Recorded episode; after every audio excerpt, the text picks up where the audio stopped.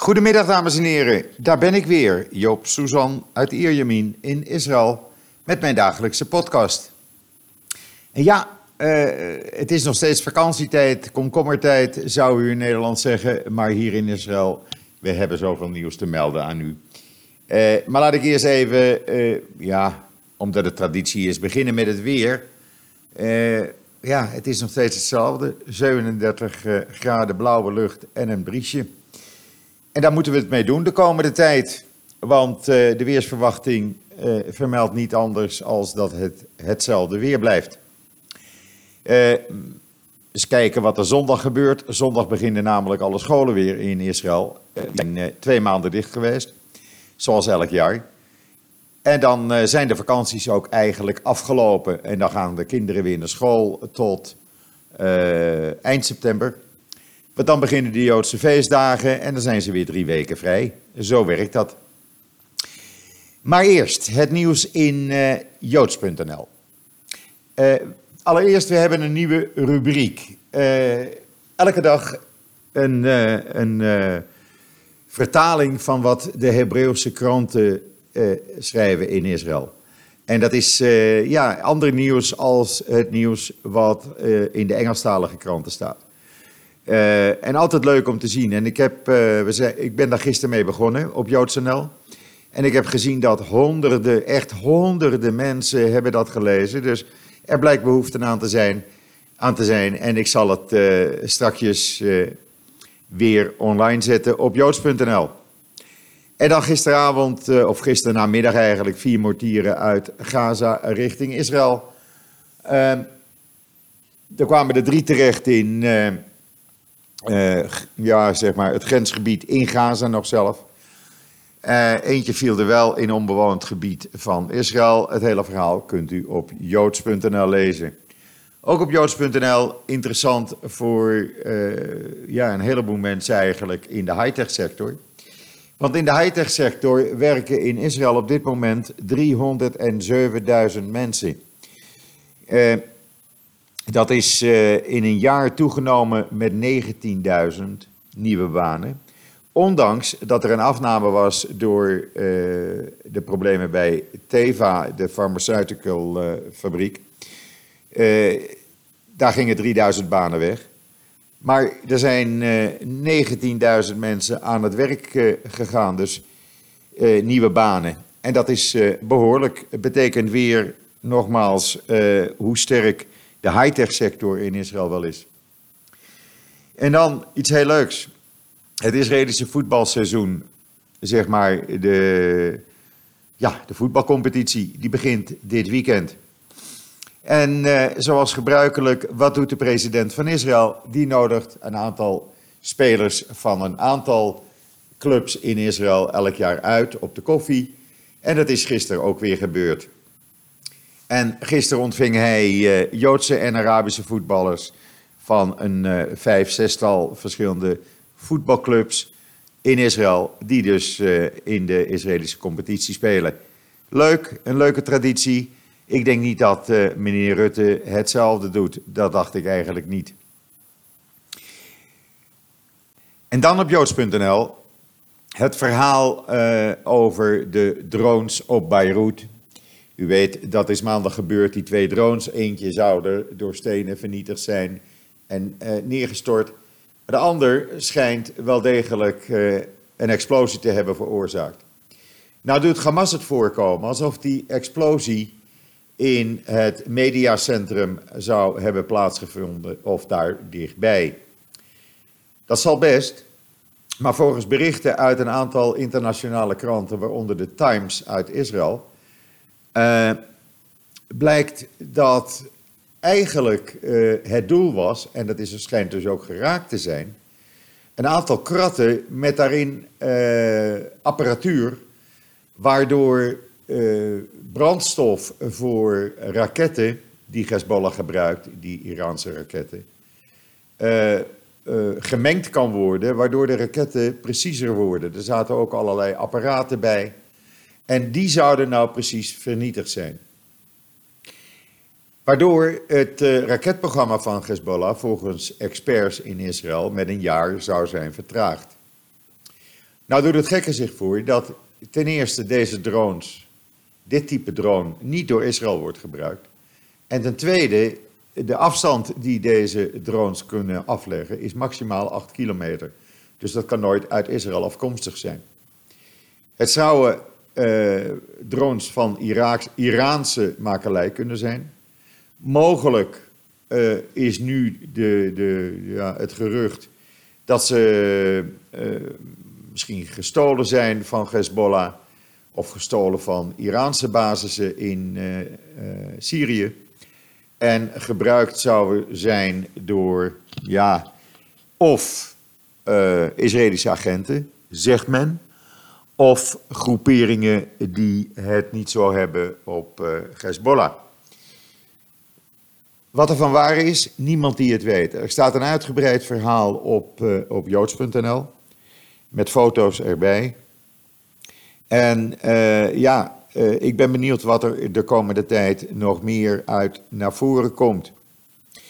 Ehm, het is wel zo dat de tweede man van Hezbollah, die heeft nu gedreigd met een, uh, uh, een aanval op Israël. Maar het schijnt een aanval te gaan worden, zegt hij, die uh, niet tot een oorlog zal leiden. Nou, ik vind dat we daar gewoon laconiek over moeten blijven. En maar gewoon afwachten in alle rust wat er gaat gebeuren. Ik denk dat de IDF, en ik weet dat eigenlijk wel zeker, op alles is voorbereid. Ook op uh, joods.nl het verhaal van de IDF, waarin ze de Iraanse brigadegeneraal Javad Ghaffari het meeste brein achter de killerdrones, de zelfmoorddrones, noemen. Uh, wat heeft de IDF gedaan? U kunt het lezen op joods.nl. Met de lancering van een nieuw social media account in de Perzische taal Farsi, uh, heeft de IDF deze Iraanse generaal uh, met een foto online gezet. Als zijnde de man die achter de killerdrones vanuit uh, Syrië zaad, zit. hij is degene die toezicht houdt. Hij is een brigadegeneraal in de Quds Force van de Iraanse revolutionaire garde. En hij houdt toezicht op de Iraanse strijdkrachten in Syrië en is verantwoordelijk voor alle inspanningen van Teheran om een militaire aanwezigheid permanente aanwezigheid in Syrië te vestigen. Tienduizenden Shiiten uit verschillende landen opereren onder zijn bevel in Syrië, al dus de IDF. Het hele verhaal uh, met de foto's kunt u lezen op joods.nl. En dan uh, opnieuw antisemitisme in Brooklyn. En deze keer is het een bekende rabbijn geweest. De 64-jarige rabbijn Avram Gopin die werd geraakt door een enorme straatklinker. Uh, moest worden opgenomen in het ziekenhuis. Uh, hij bloedde uh, op verschillende wonden uit zijn hoofd. Heeft een gebroken neus, gebroken tanden. En hij is de schoonvader van de bekende Hasidische zanger Benny Friedman.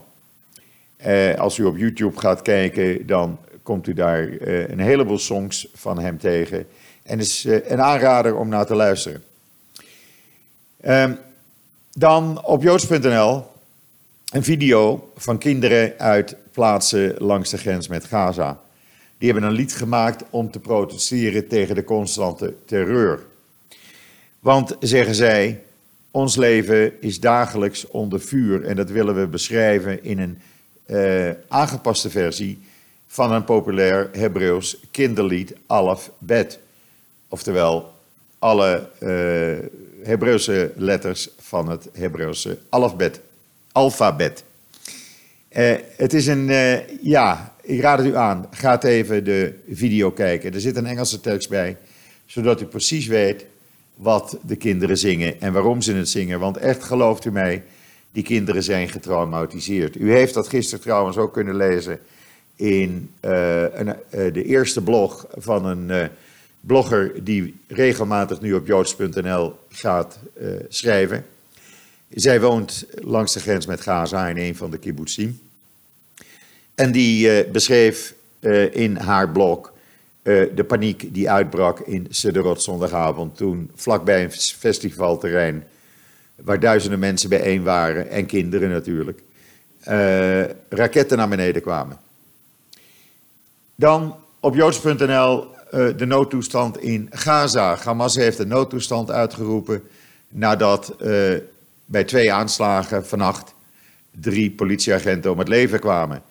Zij hadden eerst Israël ervan beschuldigd, maar kwamen daar snel op terug. Want het blijkt, zeggen zij in Gaza, eh, een actie van eh, mensen te zijn die verbonden zijn aan ISIS. Ja, hoe die nou opeens weer in de picture komen daar, eh, dan krijg je jihadisten tegen jihadisten. Nou, dat wordt een interessante bende daar.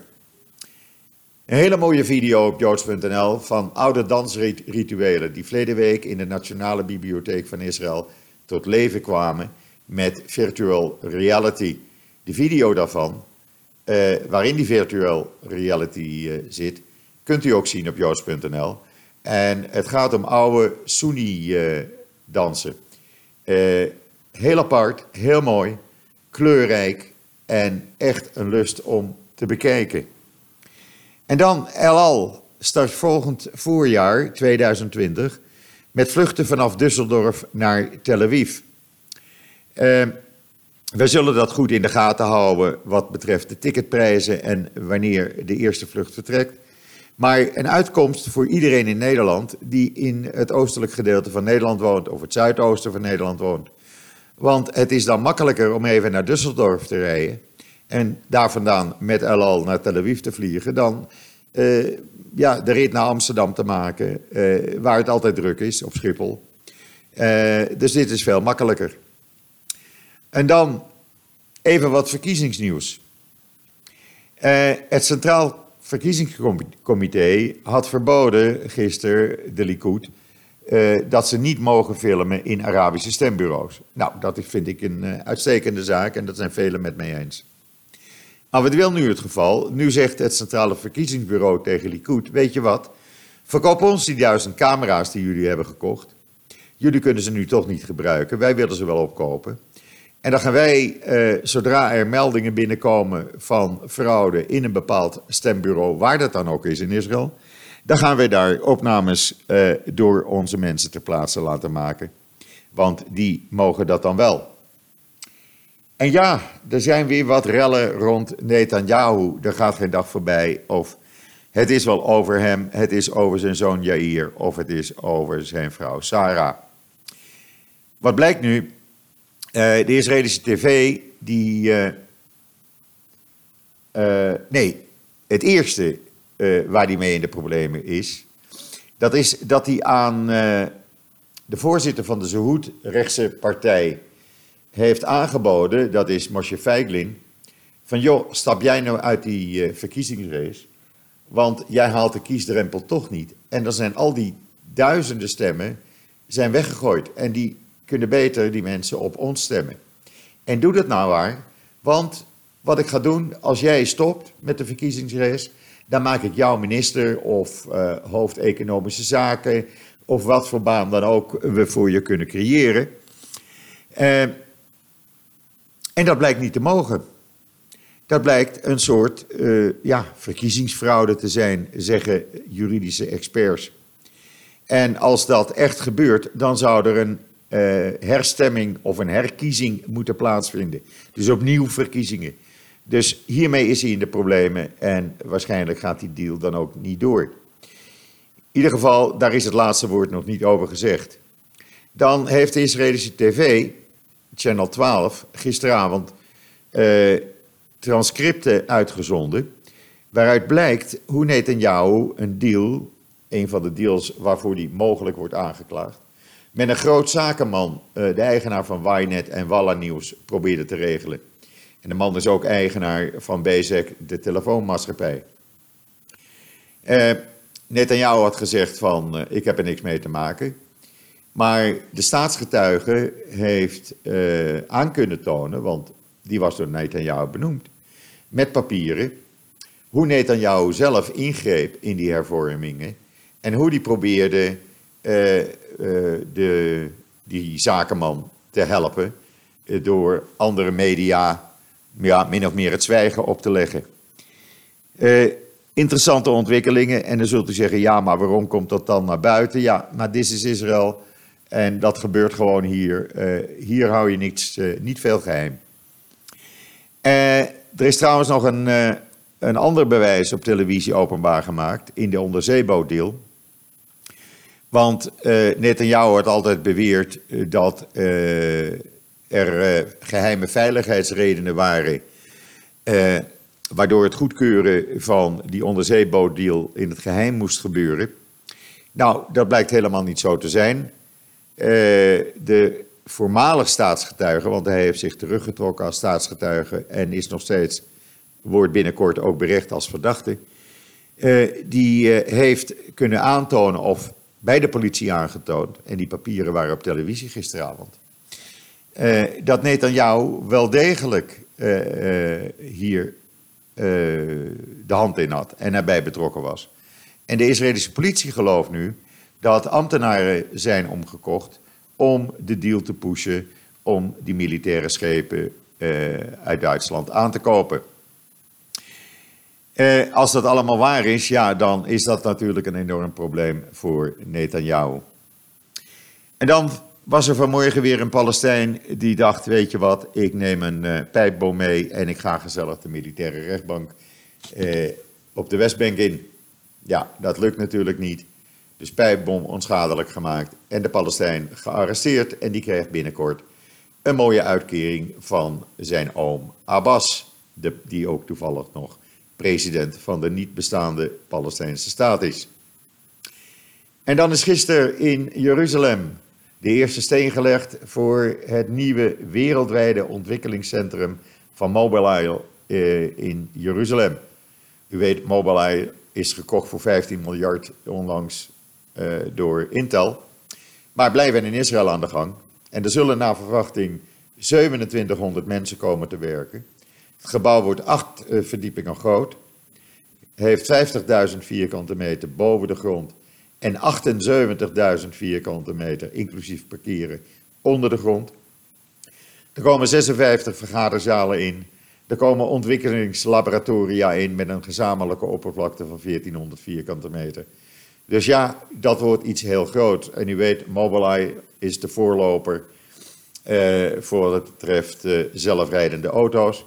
Eh, tegenwoordig in Israël trouwens, als je een nieuwe auto koopt, dan zit daar altijd een Mobileye-apparaat moet daarin zitten. Ik heb er ook eentje in mijn auto.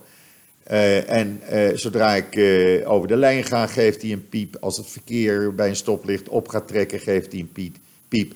Als ik te dicht bij mijn voorganger kom, geeft hij een piep. als er mensen plotseling dichtbij komen, geeft hij een piep. Nou ja, hij blijft piepen en ik kan het niet afzetten. Maar het houdt je wel alert, moet ik zeggen.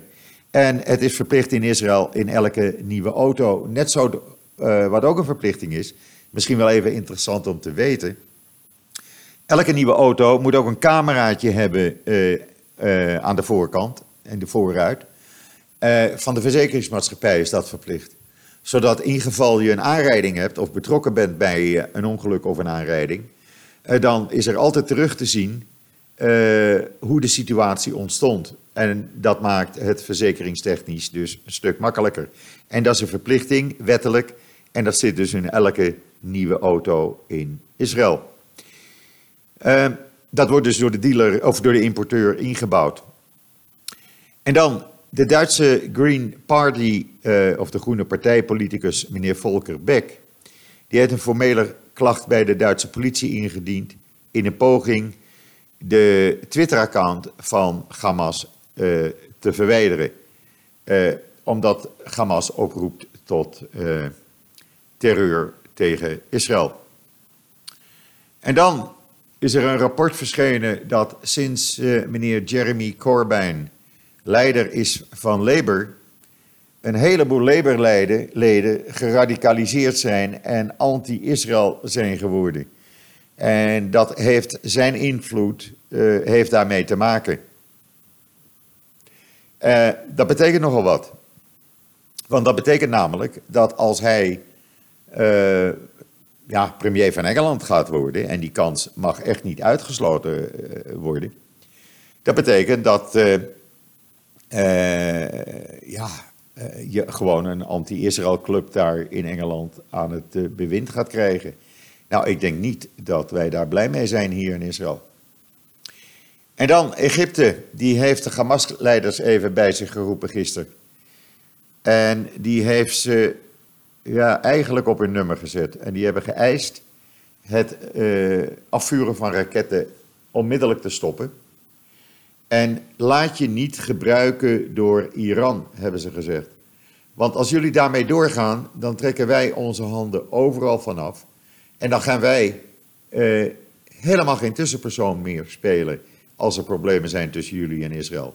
Dus je hebt de keus, of je stopt met raketvuur, of wij trekken onze handen van jullie af en dan bekijk je het maar. Het zal blijken de komende dagen wat er uh, gaat gebeuren. Ik ben daar niet zo zeker van, want met Hamas kan je nooit afspraken maken. Omdat ze zich daar toch niet aan houden, want ze altijd, omdat ze altijd dan weer een verhaal eraan vasthangen dat uh, ja, maar Israël zus en Israël zo. En wij hebben recht op het hele land Israël. En uh, nog wat van die, uh, van die leuzen. dus ik verwacht niet dat Hamas onder de indruk is van wat meneer Sisi hen vertelde. En dan naar Nederland en Zwitserland en Amerika natuurlijk en Israël. Is nu ook Nieuw-Zeeland gestopt met betalingen aan UNRWA. Nou is dat niet een enorm bedrag, want ze gaven iets van anderhalf miljoen dollar per jaar. Maar toch, het is uh, meer dan symbolisch. UNRWA ligt op zijn kont. UNRWA werd eigenlijk, uh, ja, bestaat alleen maar om de mythe van bijna 6 miljoen Palestijnse vluchtelingen in leven te houden. Want van de oorspronkelijke zogenaamde vluchtelingen zijn er nog 20.000 naar schatting over. En daar hebben we het dus over de mensen die in 1948 de orders van de toenmalige Arabische leiders opvolgden. Die zeiden van uh, wij zullen dat nieuwe staatje Israël eventjes uh, verslaan en gaan jullie even weg. Dan gebeurt jullie niks en met een paar dagen kom je weer terug. En dan is, uh, bestaat Israël niet meer. En dan ga je weer gewoon door met de dingen waar je mee bezig was. Nou, velen hebben dat gedaan, velen ook niet. En die wonen nu nog in de staat Israël. Zoals bijvoorbeeld Abu Ghos, eh, wat heel populair is onder Israëli's. Eh, maar ja, er zijn er ook uh, vele weggegaan en die konden dus niet meer terug. En de UNRWA, uh, ja, die hield die mythe in stand. En nu zijn er een kleine 6 miljoen, wat volgens de UNRWA en de Palestijnse leiders natuurlijk nog steeds vluchtelingen zijn. Maar dat is al de vijfde of zesde generatie. En ja, dat kan eigenlijk niet meer.